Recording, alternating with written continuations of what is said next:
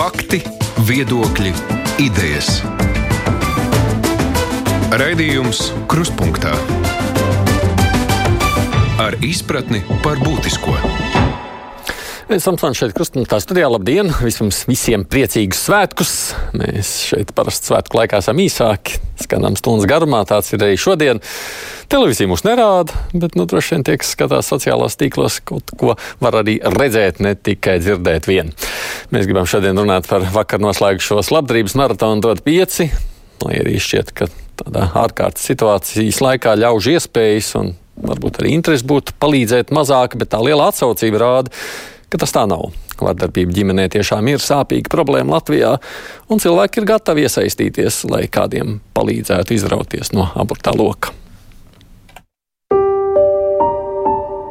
Apburtais lokus - vārdarbība ģimenē.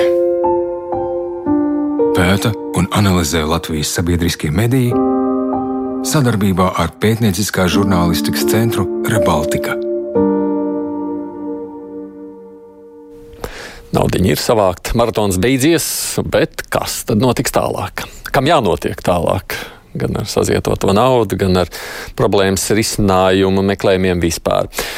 Šajā stundā raidījumā pieslēgušies ir trīs cilvēki, kas ir bijuši ļoti aktīvi iesaistīti visa maratona laikā un arī pirms tam. Pētnieciskā žurnālistikas centra Baltika redaktors Sanita Jemberga. Sveika, Sanita! Labdien! Tāpat tās centra Marta vadītāja Ilūta Lāce. Labdien! Labdien! Un ziedot arī LV vadītāja Rūta Dimanta. Sveicināti! Sveicināti! Cik tad cilvēkiem ar šo saziedoto naudu būs iespējams palīdzēt, jūs zināt?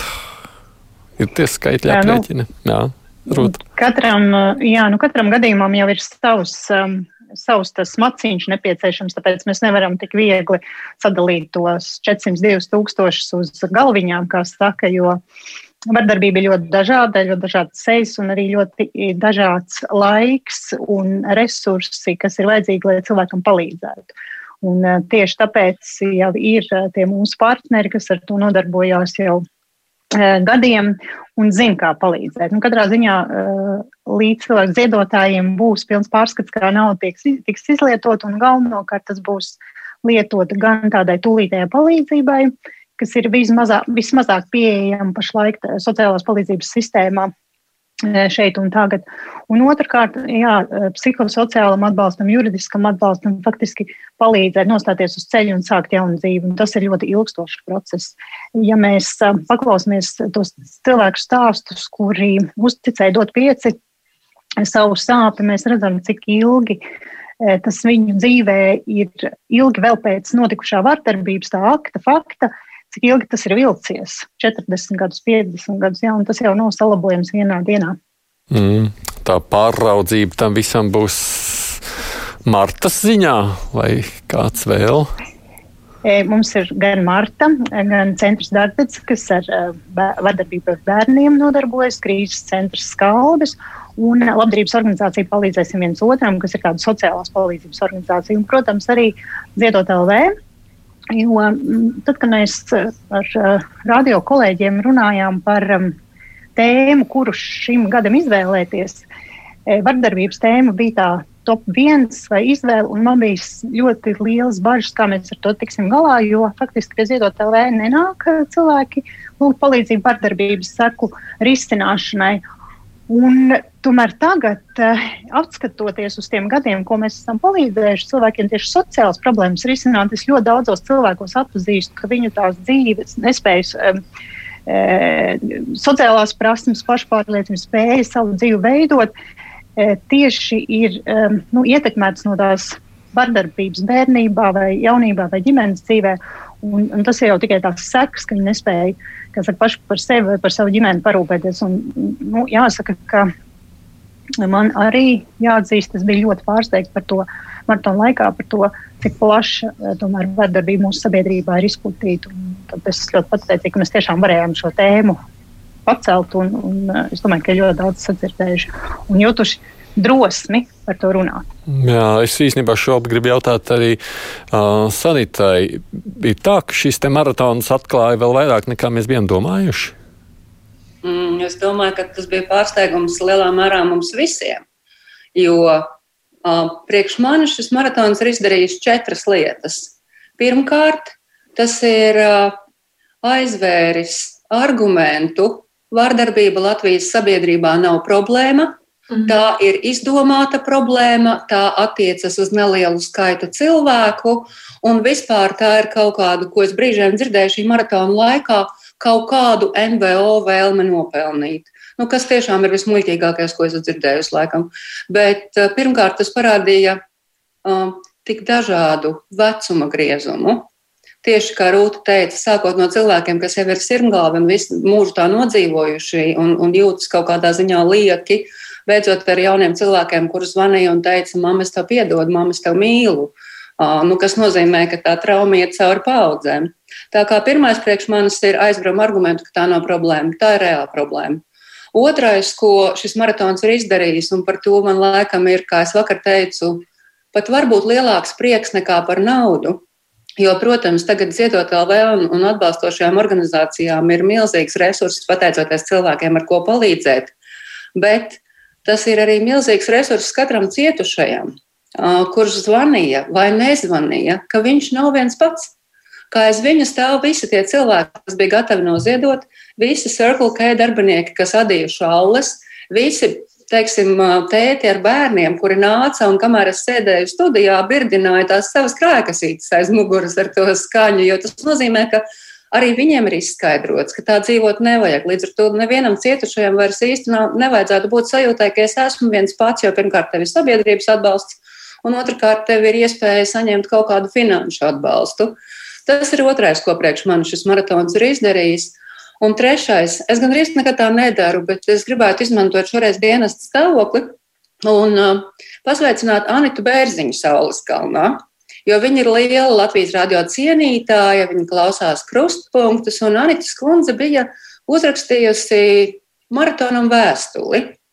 Un uh, vēstuli par to, kā bērnībā ietekmē, nu, bērnības vardarbība ir ietekmējusi visu viņas atlikušo dzīvi.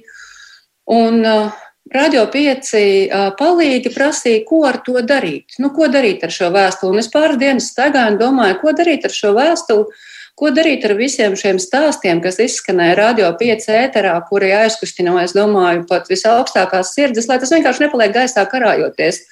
Un tad mēs nolēmām Latvijas Universitātes literatūras, folkloras un mākslas institūtu, kam ir autobiogrāfija krājums, savākt gan visus šos stāstus, gan tās vēstules, kas ir bijušas labdarības organizācijām, kas ir ar mieru nodot viņas slēgtā vardarbības arhīvā, kur ir pieeja tikai pērniekiem, kas ļaus daudzu gadu garumā ieraudzīt, kāda ir bijusi vardarbības seja Latvijā, uz ko mēs neesam gribējuši skatīties. Jo kam patīk skatīties uz uzsistu zilu aci? Kam patīk skatīties uz salauztu dzīvi? Nevienam. Bet tajā krājumā pētniekam būs iespēja saprast, kā mēs esam dzīvojuši. Tāpēc priekš manis Aidi, jā, apjoms bija negaidīts. Cilvēku gatavība runāt bija negaidīta, jo mūsu pieredze pirmos divus gadus ar šo tēmu ņemoties bija, ka cilvēkiem ir bail runāt, viņiem ir kauns mhm. runāt, viņi, viņi nejūtas gatavi no, no apkārtējiem saņemt nosodījumu un vispārējo un neatbalstu, bet cilvēki bija gatavi runāt, cilvēki bija gatavi palīdzēt, mēs esam gatavi šīs liecības saglabāt, Un tad paliek ceturtais solis, ko valsts ir gatava darīt, lai mums šādu maratonu nebūtu jārīko. Nu, par to valsts soli mēs noteikti arī šajā stundā vēl runāsim. Savukārt Ilutei jau nācies ar šiem stāstiem saskarties ir gadu gadiem. Uh, nu, redzi, mēs dzirdējām no abām pārējām sarunas dalībniecēm, sakot, ka tomēr tas apjoms, jeb tā atvēršanās ir bijusi pārsteidzīga. Uh, jums arī pārsteidzīga? Principā tas, kas man liekas, ka man tas īsti nav pārsteidzīgi, jo tas, ko jau jūs minējāt, mēs jau gadiem strādājam ar šiem jautājumiem, un mums šie stāsti, vardarbības stāsti ienāk katru dienu. Bet kas man bija pārsteidzīgi, kas man bija pārsteidzīgi un kas tiešām man ļoti, ļoti aizkustina, kad beidzot šim jautājumam, šī jautājuma risināšanai, šī jautājuma aktualizēšanai ir jūtams visas sabiedrības atbalsts. Un tas ir tāds milzīgs panākums, jo ja līdz tam ir bijis tā, ka, piemēram, arī Mārta var pastāvēt un darīt savu darbu, lielākoties piesaistot resursus no dažādiem fondiem, no ārvalstu finansētājiem un tā tālāk, tad pēdējos, arī tieši tā, pēdējos divus, trīs gadus mēs sajūtam, ka arvien vairāk Latvijas sabiedrība pati saprot, ka tā ir problēma un ka arī ir gatava nu, dot savu resursu un apzināties, ka kaut kas ir jādara. Tā kā tas bija fantastiski un tas ļoti, ļoti dziļi aizkustina. Un tas, ko es vēl sagaidu, ka tiešām ir šis lielais atbalsts un, un ir šī vēstule ar jautājumiem lēmumu pieņēmējiem, kurus tiešām ir būtiski risināt. Jo viens ir, ka tu pacēl, ka, esi, ka tev ir drosme pastāstīt savu stāstu, ka tu esi gatavs jau risināt savu situāciju, bet otrs ir, vai tiešām tu saņemsi atbalstu, risinot šo savu situāciju. Un Martai ir ļoti grūti um, mūsu ceļā palīdzēt cietušajām sievietēm risināt šīs situācijas, ja nav atbalsta no citām arī atbildīgajām institūcijām, un ja tur ir uh, jāmaina kāds noteikts likums, vai jāmaina attieksme, vai, vai kā savādāk, mums ir ļoti būtiski, lai visi uh, nostājās cietušā pusē un vienkārši lai nav tolerants uh, vardarbībai un vardarbības veicējiem. Tā kā mēs ļoti ceram, ka šis otrais solis, tas otrais jautājums, ko es teicu, ka uh, arī mēs mainīsim kaut kādas normas, likumus, un ka tas būs sistemātiski šis atbalsts cietušajiem, tas ir, man liekas, Nu, par sistēmu arī es domāju, ka mēs lielāko daļu no šī laika droši vien veltīsim šajā raidījumā vēl, bet runājot tomēr par šo pašu esošo savākto naudiņu, nu, tā kā jūs arī būsiet viena no tiem, kas aktīvi iesaistīsieties, kā jūs, lai klausītāji zina un saprot, jo tas parasti ir lielais jautājums, nu labi, un kā tad jūs to naudu tiešām grasāties tērēt? Nu, kas tad ir tas, kur nu, jūs redzat to, nu, to pamatu? Tas pamats, kā Mārta strādā, kas ir izveidojis, mums ir Mārtas pieeja, ko mēs esam izveidojuši 20 gadu laikā, ka mums vienu vietu ir speciālistu komanda. Mēs nebumbojam cietušo personu no vienas institūcijas pie otras. Ja persona pie mums atnāk, mēs viņai cenšamies nodrošināt visu nepieciešamo atbalstu, kas ir uh, vajadzīgs. Uh, uh, mums ir sociālais darbinieks, kas ir, kā teikt, atbalstošs plecs. Uh, cietušā gaitās uz savu atjaunojot taisnīgumu. Mums ir psihologu komanda, juristu komanda. Bieži vien nākās cietušajai personai arī saskarties ar to, ka citas institūcijas, piemēram, bāriņu tiesas vai, vai policija neatbilstoši rīkojās, tad arī ir jāraksta vēstule šīm institūcijām, jāpārliecina šīs institūcijas, ka reāli šī persona ir cietusi no vardarbības. Cietušai personai bieži nākās saskarties ar dažādiem apmelojumiem no vardarbības veicēja puses. Var sakot, šī komanda, kas centrā Mārta pastāv, šī komanda arī kā, nodrošina šo atbalstu cietušai personai, kas ir pie mums vērsusies. Un arī šajos laikos, kad ir ļoti daudz ierobežojumu, Mēs meklējam veidu, kā to atbalstu nodrošināt efektīvi. Ārkārtīgi augstas dzīvības apdraudējuma gadījumos mums ir arī anonīms dzīvoklīds, un kas ir jauka šīs akcijas rezultātā, pie mums ir vērsušies vēl cilvēki, kas ir gatavi mums atbalstīt ar šiem anonīmajiem dzīvoklīšiem, tādā veidā nodrošinot patvērumu iespējas, ka patiešām ir augsts dzīvības apdraudējums un ka tiesības sargājošās institūcijas ir teikt, izgāzušās, lai uh, nodrošinātu šo drošību, piemērojot esošos pagaidu aizsardzības līdzekļus. Un, protams, tas, kas centrā Mārta vēl ir, ir šīs atbalsta grupas, kuras mēs veidojam, un es ceru, ka viņas būs iespējams atkal veidot, kad, būs, kad vairs nebūs šādi ierobežojumi, kas arī iedod šo sajūtu, ka es neesmu viena tāda kad ar, un izolēta, bet kad ļoti daudziem cilvēkiem tā ir noticis dzīvē, un kad mēs varam dalīties ar saviem stāstiem un veidot arī savstarpēju atbalstu tīklu ārpus tā palīdzības loka, kas, ko jau mēs tā kā, jau, par kur jau es minēju. Pie tam Mārta atrodas Rīgā un pie mums vēršās uh, lielākoties sievietes no visas Latvijas uh, tieši uz uh, Rīgā, bet mums ir arī izveidot filiāli Reizeknē, tā kā cilvēkiem, kas ir Latvijas pusē, ir iespēja vērsties arī Reizeknē, un mums ir arī filiāli Liepājā, tā kā cilvēkiem, kas atrodas uh, Liepājā vai Liepājas apkaimē, tur arī ir iespēja vērsties un saņemt kvalitatīvu palīdzību. Liepājā pie tam vēl darbojās arī bērnu psihologs, un, un ir vēl kompleksāks šis pakalpojums pieejams. Tā kā viena vienā vietā mums ir pieejams pakalpojums, kas palīdz šajā grūtajā ceļā uz, lai atjaunotu taisnīgumu un lai vai, varētu veidot cieņpilnas attiecības.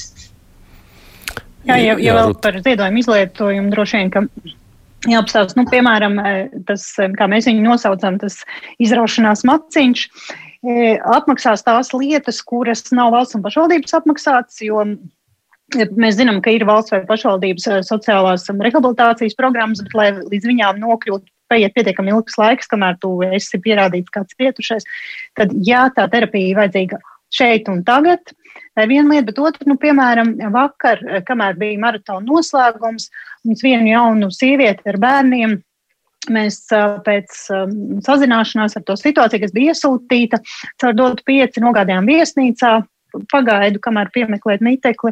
Un apmaksājām to, to, tās tagad divas naktas viesnīcā un vēl domājam par transportu, bet par laimi bija kāds brīvprātīgais, kurš uh, spēja ātri norēģēt un, un sieviete ar, ar visiem bērniem ātri aizvest prom.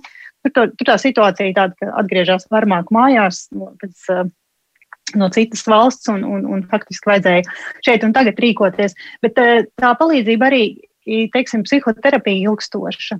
Ne visiem cilvēkiem, kuri mm, ir uzsākuši teiksim, neatkarīgu dzīvi, aiz, aiziet no šīm vardarbīgām attiecībām, ir tik liela finanšu resursi, lai reizi nedēļā maksātu par terapiju. Tas ir diezgan dārgs process, viņš nav uh, apdrošināšanā iekļauts vai vēl apmaksāts vēl netik.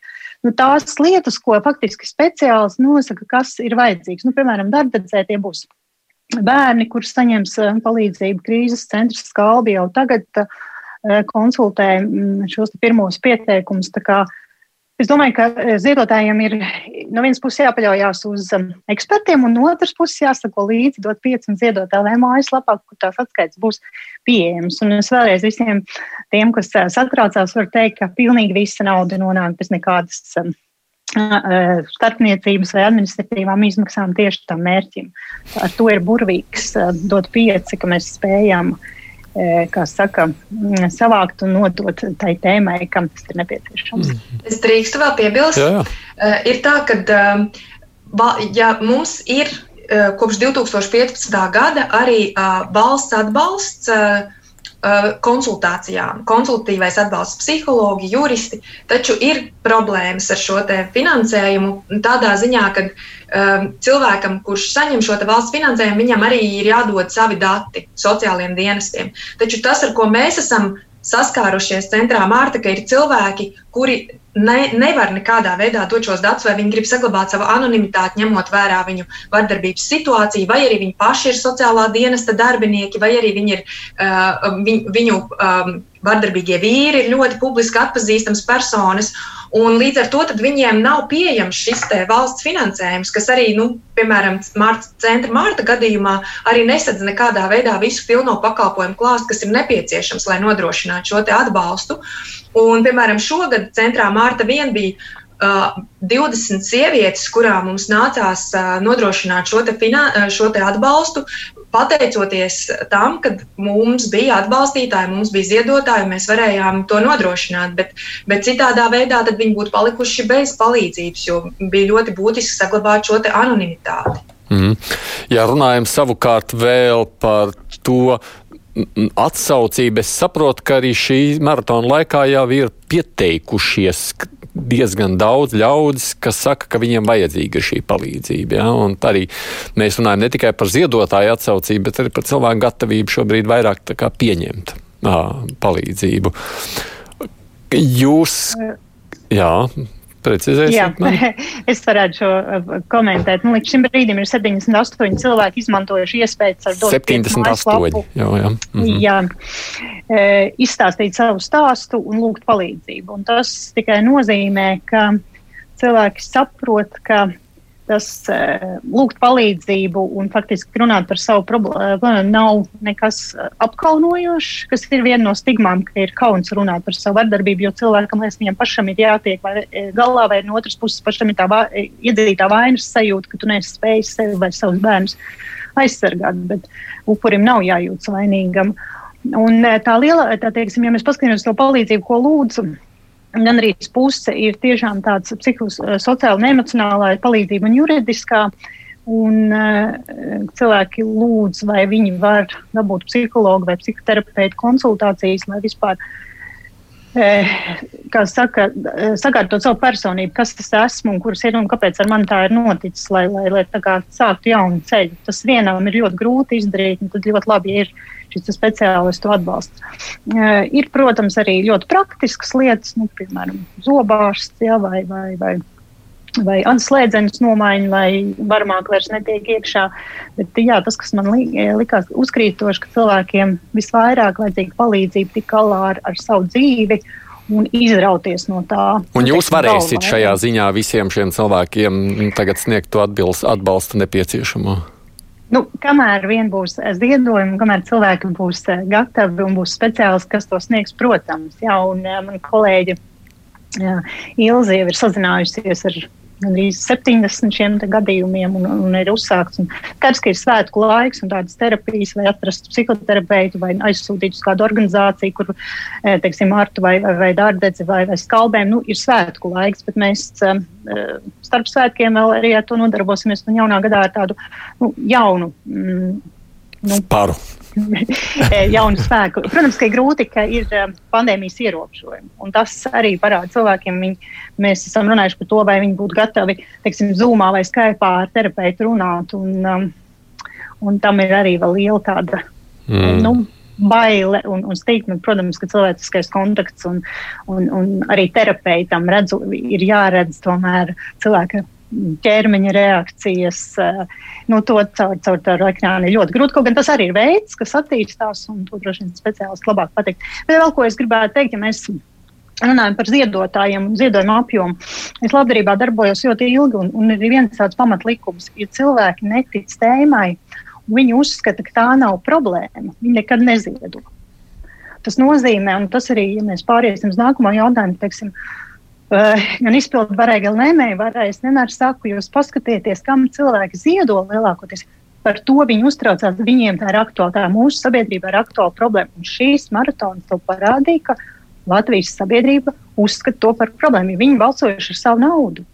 Ja mēs prasītu, droši vien, nezinu, noasfaltēt kādu celiņu, lai ziedo vai kaut ko tādu, nu, ne, es domāju, neziedot, jo saprastu, nu, tā nav problēma. Bet šī tas parāda cilvēku reakciju ar savu balsot ar savu naudu nopelnīto daloties, parāda uh, to, ka mums visiem tas uztrauc. Mm.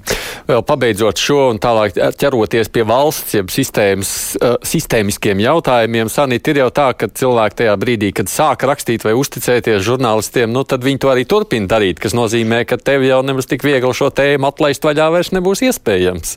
Tu esi gatava turpināt. Protams, protams, jo Mēs viņu uzņēmāmies pirms diviem gadiem ar apziņu, ka uh, tas ir tāds, nu, to, ko sauc par ziloni istabā, neredzamo ziloni istabā, kur visi zina, ka viņš ir, bet neviens par to nerunā. Un, uh, Mums likās, ka tā kā mēs liela daļa nākam paši no ģimenēm, kur ir bijusi vardarbība bērnībā vai pazīstam citus cilvēkus, nu būtu pēdējais laiks. Ziniet, kā Edera Baltika ir tā bišķi tā kā bulterjeru. Uh, tu ieķeries un tu mm. krapi vienkārši, un tu nelaidi vaļā, kamēr tu nedabū kaut kādu rezultātu no tā visa ārā. Un, protams, ka es jau teicu Iltai, ka man ir liels gandarījums, ka ar šo maratonu ir iedots uh, liels grūdienis visam viņu darbam gadu garumā, kur viņi ir jutušies, es domāju, diezgan vientuļi, staigājot un sitoties gar durvīm, sakot, ka šī ir problēma un vajag palīdzēt. Mums ir drusku vieglāk, jo Mēs kā žurnālisti esam pieraduši, ka pret durvīm ir jāsitās un kaut kādā brīdī viņas atvērsies. Bet šī maratona sākumā, uh, nu, Rūti jau pieminēja, mums bija tās iekšējās diskusijas. Man bija, oi, man bija grūti, jo, zināmā mērā, mātei visi bērni mīļi. Un uh, mums bija izšķiršanās starp vardarbību ģimenē un starp uh, īpašajiem bērniem pabeigt palīdzību šo gadu īpašajiem bērniem, kas arī bija ļoti svarīgs temats gan sabiedriskajos medijos, gan mums. Bet nu, tad dod pieci komandu uzstāja, ka nē, ka vajag par vārdarbību, un mums bija dažādi apsvērumi, vai vajag, jo vai būs atsaucība, vai cilvēkiem nebūs par smagu, vai, teiksim, viņi būs gatavi ziedot un balsot ar savu maciņu, ka šī ir tā tēma, kam jāpalīdz. Un beigās izrādījās, ka Nu, mēs nemaz nelaužamies atvērtās durvīs, tur stāv vārti vaļā. Tur vienkārši jāiet un jādara. Tā kā nē, nē. Vaļā mēs nelaidīsimies, tāpēc ka es, protams, vakar ar Kā man iedod ēteru, es visu aizrunāšu. Es jau. Lielu prieku skatos, kā vakardien LTV panorāmā cienījamie ministri viens pēc otra sitot ar roku pie krūts, saka, jā, jā, šis ir svarīgi, mēs to darīsim, tas ir jādara. Un tad uh, Man gandrīz gribas kliegt uz televizoru. Um, biedri, draugi, uh, diezgan vairākus, nu, diezgan ilgus gadus jums saka, ka jādara un ļoti konkrēts lietas jādara. Es drīkstu. Tāpēc mana milzīgā cerība ir, ka tie solījumi saulainie, ka tagad viss mm. palīdzēs, rezultēsies praktiskā rīcībā. Jo, mm. ļaujiet man izlielīties, nav jau tā, ka nekas nav izdarīts. Nē, nu tiešām ir kaut kas tāds pēdējos gados ir, ir pabīdījies uz priekšu. Tā pati anketa policistiem, kas ir jādala ar sociālo dienestu tagad, un kas radās konkrēti cilvēku nāves rezultātā, būsim godīgi. Tā anketa šobrīd, kā Rīgas sociālais dienests saka, viņi ir zinājuši 10 līdz 13 procentus no tiem klientiem, no, no kuriem pienāk šī, šī anketa, kas nozīmē, ka tur ir virs 80%, kas vispār nav bijuši zināmi vardarbības gadījumu sociālajiem dienestiem. Arī konkrēti cilvēku traģēdijas rezultātā ātri izmainīja likumu, ka var vērsties jebkurā tiesā pēc aizsardzības, nevis pēc dzīves vietas, nu, saucamās pierakstu vietas, kur iespējams, ja tu esi mazākā vietā, tev ir grūti, jo visi tevi pazīst, vai arī kā šai sievietei, kura vērsās Rīgā, viņai met atpakaļ pandēmijas laikā, ka nē, šī nav jūsu vieta, un tas ir izmainīts, un tas ir labi. Bet tajā pašā laikā, šī maratona laikā, man atsūtīja tiesas spriedumu, pavisam svaigu administratīvās tiesas spriedumu, kur nav strīda, ka ir bijusi vardarbības situācija. Tas ir pierādīts, bet policists ir ne tā noformējis protokolu, ir atcelts šis lēmums par sodīšanu, jo Varmākam nav bijusi iespēja aizstāvēt tiesiski savu viedokli. Un, ja mēs skatīsimies šādi no likuma viedokļa, jā, protams, arī Varmākam ir tiesības aizstāvēt savu viedokli, bet kur ir tiesiskums cietušajam šajā gadījumā? Kā viņš var noticēt, ka šajā grūtajā procesā, kas ir atzīšanās, policijas saukšana, kaimiņi, tiesa, kuru tu neizproti, jo cilvēkam nav jāizprot administratīvās procedūras, to beigās pasaka, atvainojiet, Policists nepareizi aizpildīja protokolu, tāpēc nekā nebūs. Un kamēr mēs nenonāksim situācijā, kur valsts ar visām tās daļām uzskata cietušo par to, kurš ir jāaizstāv un jāizved aiz rociņas cauri, jo tas nav viegli. Cilvēki neizprot juridisko procesu, viņi ir psiholoģiski traumēti, viņi ir bailīgi. Kamēr mēs nebūsim tajā situācijā, kur valsts aiz viņu nostājās un izved viņai aiz rociņas cauri, tikmēr es domāju, ka likties mierā nevar. Un iespējams, ka tas ir mūžīgi. Bet vismaz tik līdz stadijai, kurā tu esi drošs, ka cietušais ir galvenais un viņu izvedīs aiz rociņas. Pārējais jau tālāk ir jau ideālā sabiedrība, līdz kurai nu, droši vien arī kaut kad var nonākt, bet varbūt jāsāk ar šito. Es redzu, ka Ilūte ļoti grib teikt kaut ko vēl. Jā, es gribēju pateikt tieši par, arī par tiem lēmumu pieņēmējiem, kad es atceros, kā mēs kopā ar Skalbēm 2003. gadā stāvējām pie stājumas ar plakātiem uh, saistībā ar vardarbību ģimenē, un tad politiķi nāca ārā no stājumas un jautāja, vai tiešām tā ir problēma, bet ja sit, tad mīl, un bija šāds, šādi izteikumi, tad tas progress, kas ir noticis šo gadu laikā, un arī eh, tas, ka mēs jau esam kaut vai tik tālu, cik mēs esam. Tas ir liels sasniegums, un pie katra sasnieguma tieši tā radās jauni izaicinājumi. Un, un mums jā, tas, kā teikt, Rīga nekad nav uzcelta, tāpat tās arī ar dažādiem problēmu jautājumiem. Mēs sasniedzam vienu lietu, un mēs saprotam, jā, šis jau sāk strādāt, nu, kā piemēram kā par pagaidu aizsardzību. Kādreiz vispār jautāja, vai tas tiešām ir nepieciešams, vai mums to vajag. Šobrīd ir jautājums jau drīzāk, kā to izdarīt, kā būt efektīvākiem. Līdz ar to, eh, un tagad atkal ir jautājums, kā mums neuzlikt administratīvos sodus, piemēram, eh, varmākām tādējādi zaud, piemēram, visa ģimene, sieviete un bērni zaudē šos ienākumus. Kā mēs varam atrast veidu, kā savādāk tomēr likt viņam saprast eh, šo atbildību par savu rīcību, kā tomēr izdarīt, lai, lai būtu šīs obligātās programmas vardarbības veicējiem, lai viņas būtu uh, efektīvas uh, un lai arī viņi bū, justu līdzatbildību par, par visu un ieraudzītu uh, šo kaitējumu, kā, ko viņi nodara. Un tā tālāk, tā kā, nu, man liekas, tas viss ir tāds uh, process. Es tikai atgādinu tiem, kas skatās vai klausās mūsu pētnieciskā žurnālistikas centra Baltika redaktora Sanita Jemberga, no centra Marta vadītāja Ilūta Lāca un Ziedot LV vadītāja Rūta Dimanta ir mūsu šī raidījuma viešņas. Raidījums Krustpunktā.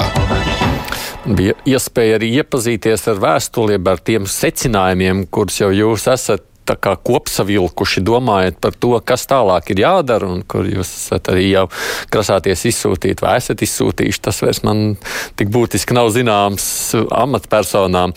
Un pārskatot visu šo sarakstu, kas ir uz veselu lapu garš saraksts,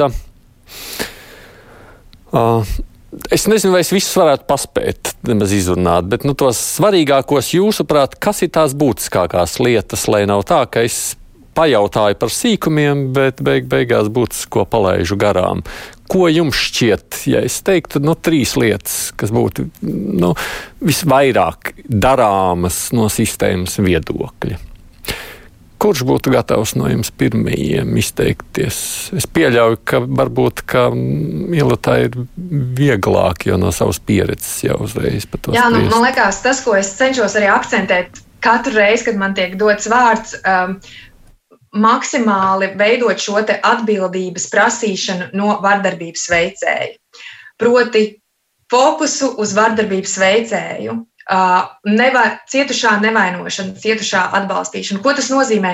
Nu, mums vajag šīs obligātās programmas vardarbības veicējiem, tiklīdz tiek pieņemts lēmums par pagaidu aizsardzību. Mēs to prasām tiešām jau gadiem. Kas ir obligātā programma? Ne tikai Mārta, bet to prasa ļoti daudz arī organizācijas, kas strādā ar cietušajiem un tas vēl joprojām nav. Kas ir obligātā programma, lai mēs saprastu, par ko ir runa?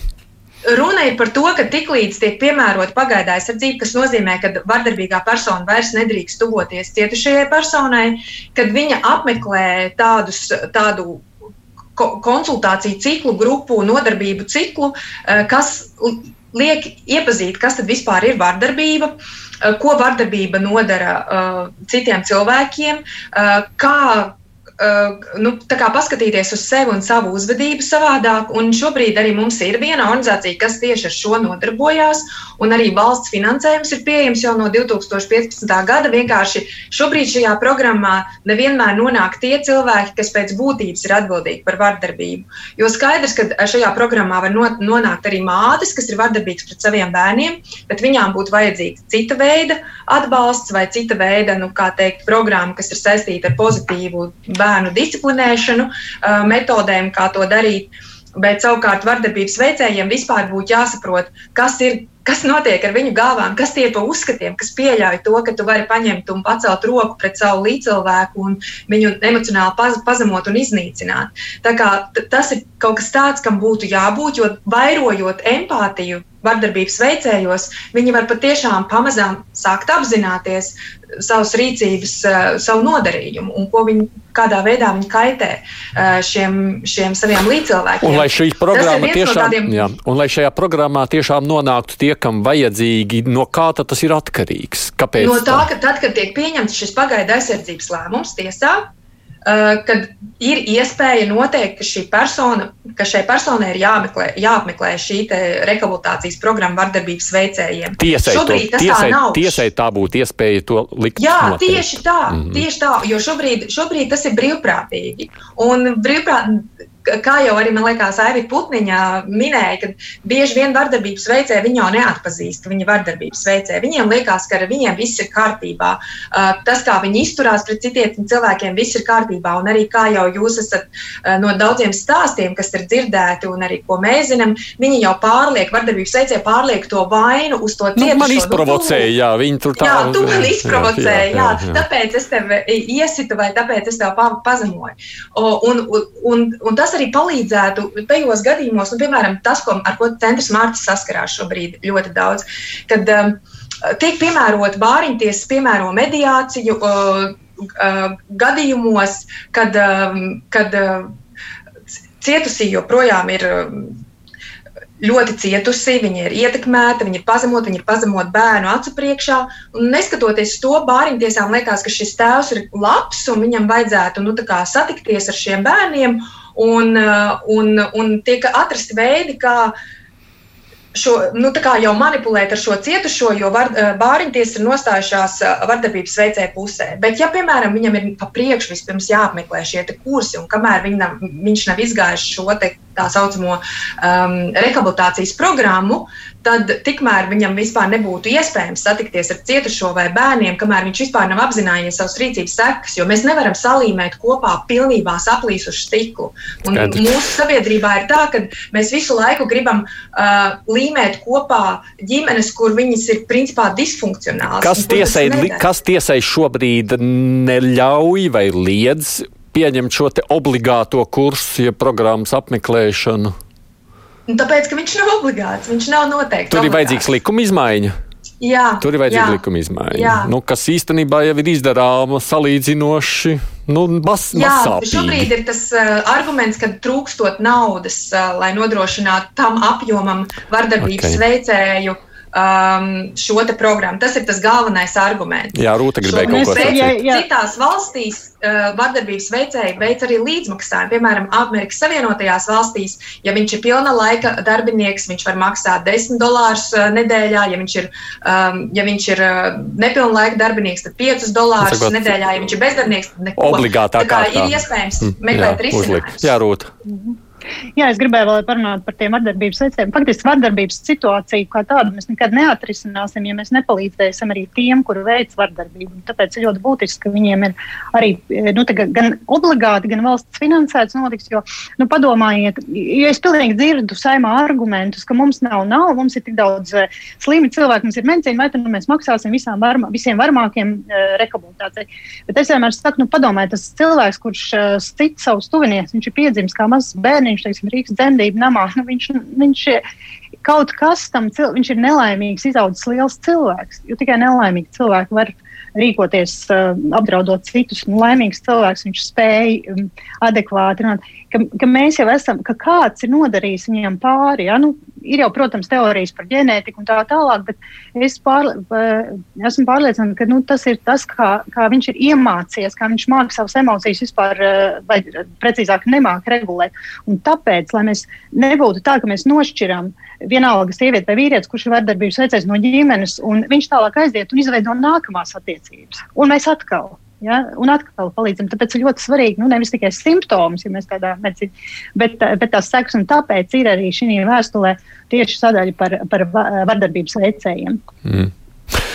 Bilde saprotama, par kādām summām runājam, ja mēs gribētu tā maksimāli palīdzēt, jo droši vien, ka valdība uzreiz jāskaita naudu, beidīgi, bet fakts tā tas ir mums ir skaidrs, nu, ko tad mēs varam prasīt no viņiem, jo beig beigās jau nav jau tā, ka nav nemaz naudas.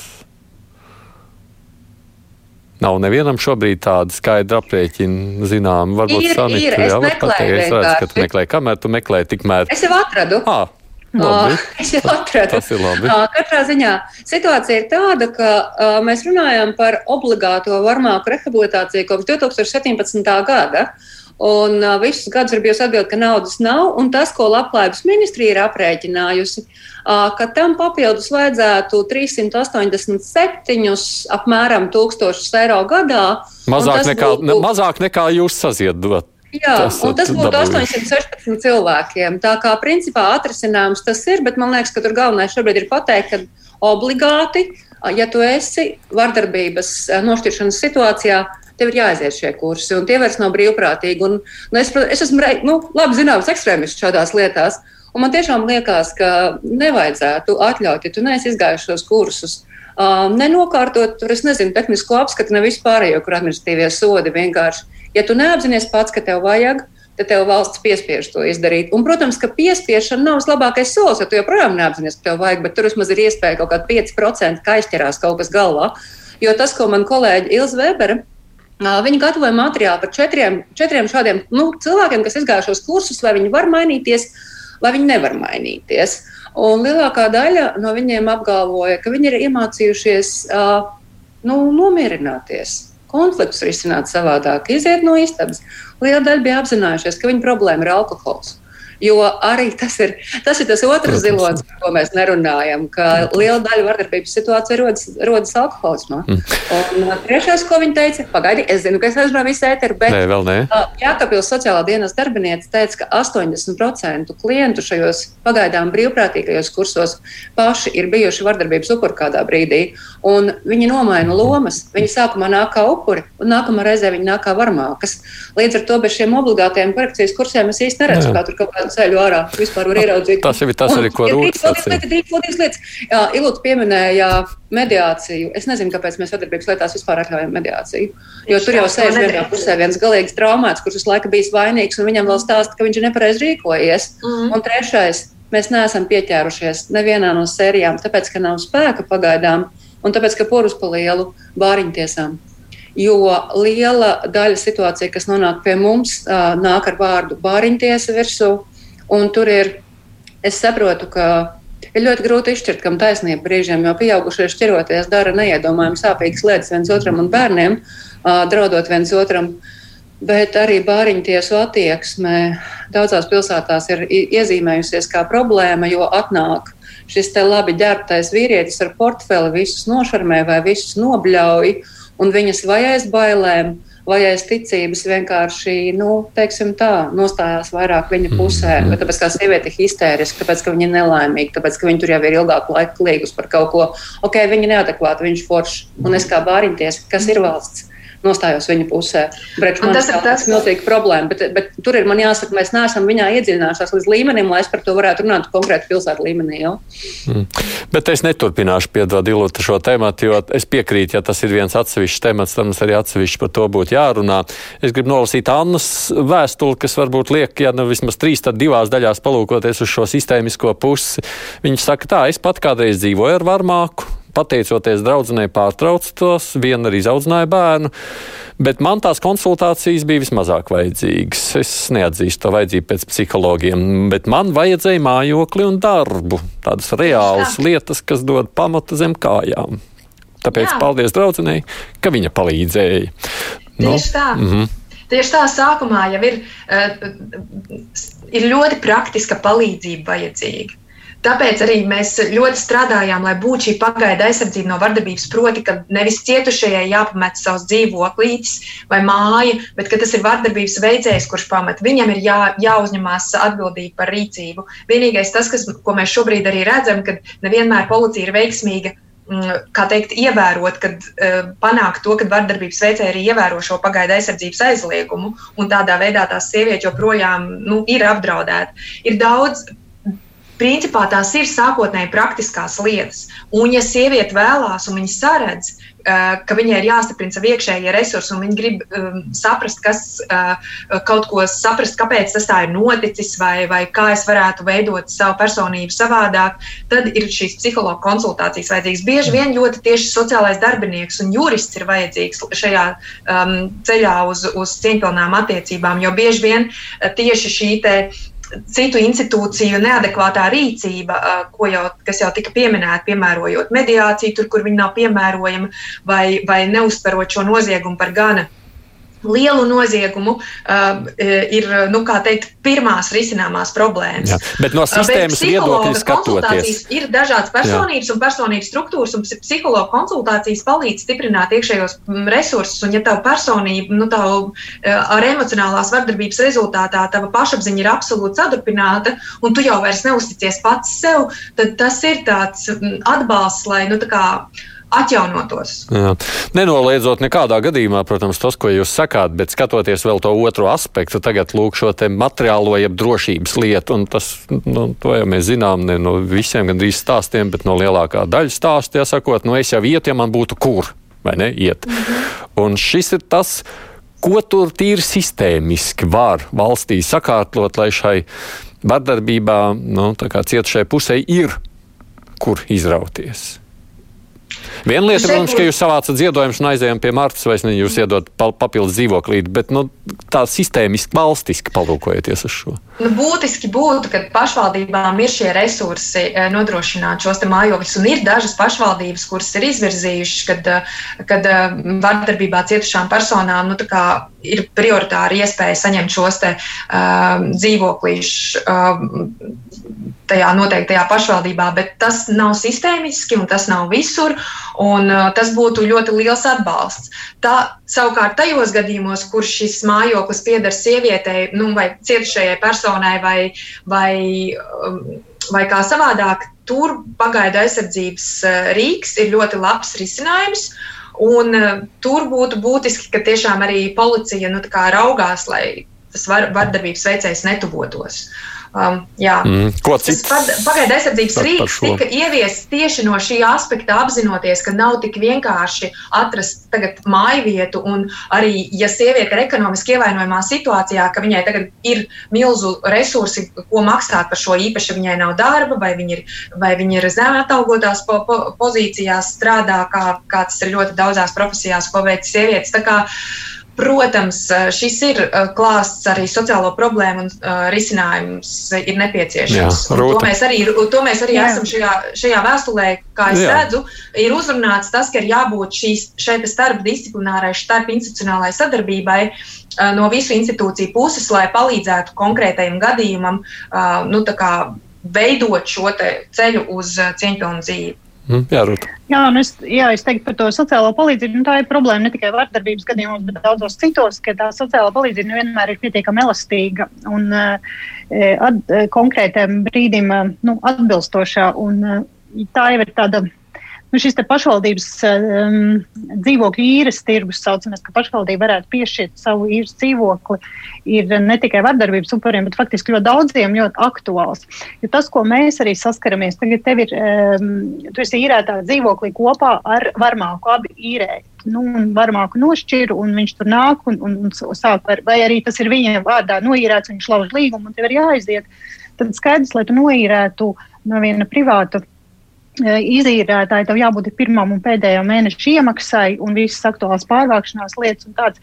Ir pašvaldības, kas to palīdz mhm. darīt, bet ir pašvaldības, kurām tādas nav, un viņi saka, mums ir jāsauc domas sēde. Un tad iedomājieties, kāpēc ir jāsauc domas sēde. Visi domnieki nāk, lai lemtu, vai mēs tur e, Maijai vai, vai, vai, vai Pēterim tagad dosim vai nedosim šo dzīvokli. Man liekas, ka izvērtējot tādu reāli, nu, cilvēciski, empātiski, kad, kad sociālajiem darbiniekiem būtu lielākas iespējas elastīgi reaģēt. Bet, protams, mēs atduramies atkal naudā un tā ir sociālā palīdzība. Un tā ir tāda nu, jau plašāka lieta, un vardarbības upuri ir tikai viena no, viena no, no, no tādām grupām. Un šis ir pašvaldība jautājums. Latvijā ir pār par simts, nu labi, būs tagad mazāk, un tomēr tas nozīmē, ka katra pašvaldība nu, rīkojās tā, kā viņa tajā brīdī rīkojas.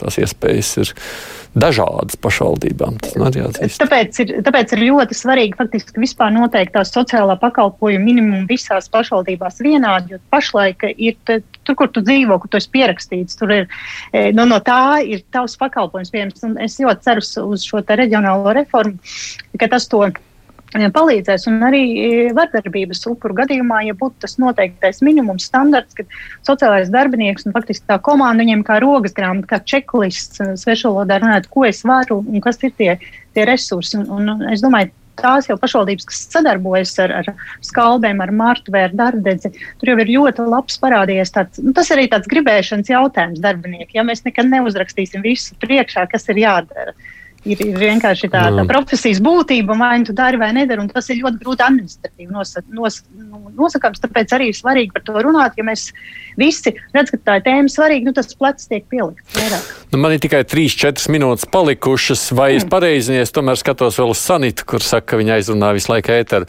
Un tomēr, vai es teiktu, ja tā trešā lieta, kam ir vērts pievērst uzmanību, tiesības sargājošo institūciju, nezinu, policijas, tiesas kapacitāti vārds nesmugs, bet doma saprotam. Tā ir lieta, par ko arī šeit ir jārunā šajā kontekstā, Sanita. Protams. Protams, jo nebūtu jau tās manas pieminētās lietas ar nepareizi uzrakstītu protokolu, ja policists būtu zinājis, kā viņam jārīkojas līdz galam. Un es arī jūtos viņādā, un domāju, ok, tagad es no priekšniecības dabūšu pausi par šo te. Man nav baigās motivācijas nākamreiz braukt uz vardarbības izsaukumu un rīkoties pareizi, jo es atkal dabūšu pausi. Tā kā policisti ir jāmāca tieši tāpat, kā uh, ir jāmāca uh, citas sabiedrības locekļi, kā atpazīt, ko darīt, nostāties cietušā pusē un atcerēties, ka pat tad, ja tu dzīvo mazā pašvaldībā, tu esi policists. nevis varmākas draugs vai radinieks. Tavs pienākums ir nostāties aiz tā upura vienalga, ko tu par viņu domā. Tā kā policista apmācība ir viens, šis krīzes dzīvokļa tīkls un cits sociālais minimums ir otrs. Obligātā varmāku nošķiršana ar psiholoģijas un korekcijas kursiem ir trešais. Bet es ļoti piekrītu Rūtai par to, ka tu nevari visu ierakstīt likumā. Jo es atceros šo gadījumu, šo nelaimīgo gadījumu ar sievieti, kurai nogrieza ausi, kurai bija nošķiršanas lēmums, bet šis vīrietis atradās pretī viņas mājai aiz noteiktās robežas, kur nedrīkst tuvoties, bet viņa viņu katru dienu redzēja kaut kādu laiku. Un tur viss, kas būtu bijis vajadzīgs no mana viedokļa, būtu policijas mašīna, kas piebrauc un pasaka, ka tu te nevari atrasties. Tev ir aizliegts, ej prom no šejienes, lai nav konflikta. Aproce ap kāju, kas policijai parāda, kur šis cilvēks atrodas un vai viņš netuvojas tam upurim. Jo cilvēki, varmāks ir dažādi. Ir tādi, kas vienreiz to izdarīs un nekad vairs to nedarīs, bet ir tie, kur ir policija spējīga atpazīt, ka tas notiks sistemātiski. Tas vienkārši ir ieinteresētības jautājums. Jā, tas nozīmē, ja mēs runājam par policiju, lai es precizētu, tur ne tik daudz jautājums par viņu pilnvarām, cik par viņu spēju šīs pilnvaras izmantot vai mācību? Nu, arī, pilnva, arī pilnvaras joprojām nav līdz galam nolēmts, ka policisti varēs nošķirt uh, cilvēku bez upura iesnieguma. Nu, tu atbrauc kā policists uz, uz, uz notikumu, un sieviete nerakstīs, jo viņai ir viņa vēl jādzīvo pēc tam, ir viņai bail no viņa. Un tev kā policistam ir jāpieņem tas lēmums viss mēs nošķiram, un tu uzņemies daļu atbildības. Par to joprojām notiek, notiek diskusija. Bet es arī negribu tiešām mesties virsū policijai, jo es esmu redzējis ļoti labus piemērus pēdējos mm. gados. Tiešām ļoti labus piemērus, es skatos vienkārši tos ierakstus no, no izsaukumiem un domāju, wow! Tie cilvēki ir iemācījušies, kā runāt, kā nošķirt, kā apieties. Bet nu, ir kaut kādas lielākas lietas, kas ir likuma rāmis, bet tad ir katra individuālā iesaistīšanās, saprotot, kurš īsti tur ir vājākais un ko tu aizstāvi. Un pēdējais, es tiešām ļoti ātri pateikšu, es esmu tāda traka cipargalva, kam visu laiku vajag datus, bet bez datiem nav iespējams pieņemt normālus lēmumus. Un mums joprojām Latvijā nav normālu vardarbības datu, kā Somi paņēma līdz katram izsaukumam Kur tas notiek? Reģions, vecuma grupa, situācija, alkohols, ne alkohols, iepriekšējā pieredze. Un tu izveido tādu datu kopu, kur tu redzi, ok, mums ir lielākā problēma, piemēram, šajā reģionā ar šādām lietām. Tu vari pieņemt normālus politiskus lēmumus. Mums ir jādāvās policijai pie durvīm un jāsaka, atvainojiet, lūdzu, vai jūs varētu sistematizēt datus, cik sieviešu ir gājušas bojā ģimenes konfliktā. Mm. Kas tie par smagiem iesgojumiem, kas par vidējiem? Mēs pat īsti nezinām, kas tur notiek. Arī šī ir lieta, Jā, viena no lietām, arī šī ir viena no lietām, kurā, kurā jūs prasāt mainīt, un tāpēc es jums saku paldies, ko esat darījuši. Un es ļoti ceru, ka mēs, nu, kā Sanīts saka, nu, reiz viņi buldogs, tad viņi iekrampējušies ir un vaļā nelaidīs. Sārnīta Jemberga ir pētnieciskā žurnālistikas centra Baltika redaktora, Ilot Lāts vada centru Mārtu un Rūt Dimantas iedot LV. Paldies jums par! Šī svētku laika atvēlēšana arī mums sāpīgai, bet ļoti vajadzīgai tēmai. Mēs krustpunktā rīt tiekamies, tad jau runāsim droši vien par visām citām aktualitātēm ar žurnālistiem. Tiekamies arī radio etrā vēl pēc stundas par pasaules notikumiem divās puslodēs. Producenti krustpunktā ir Revi Junām un studijā šo raidījumu vadīja es Aidis Tomsons.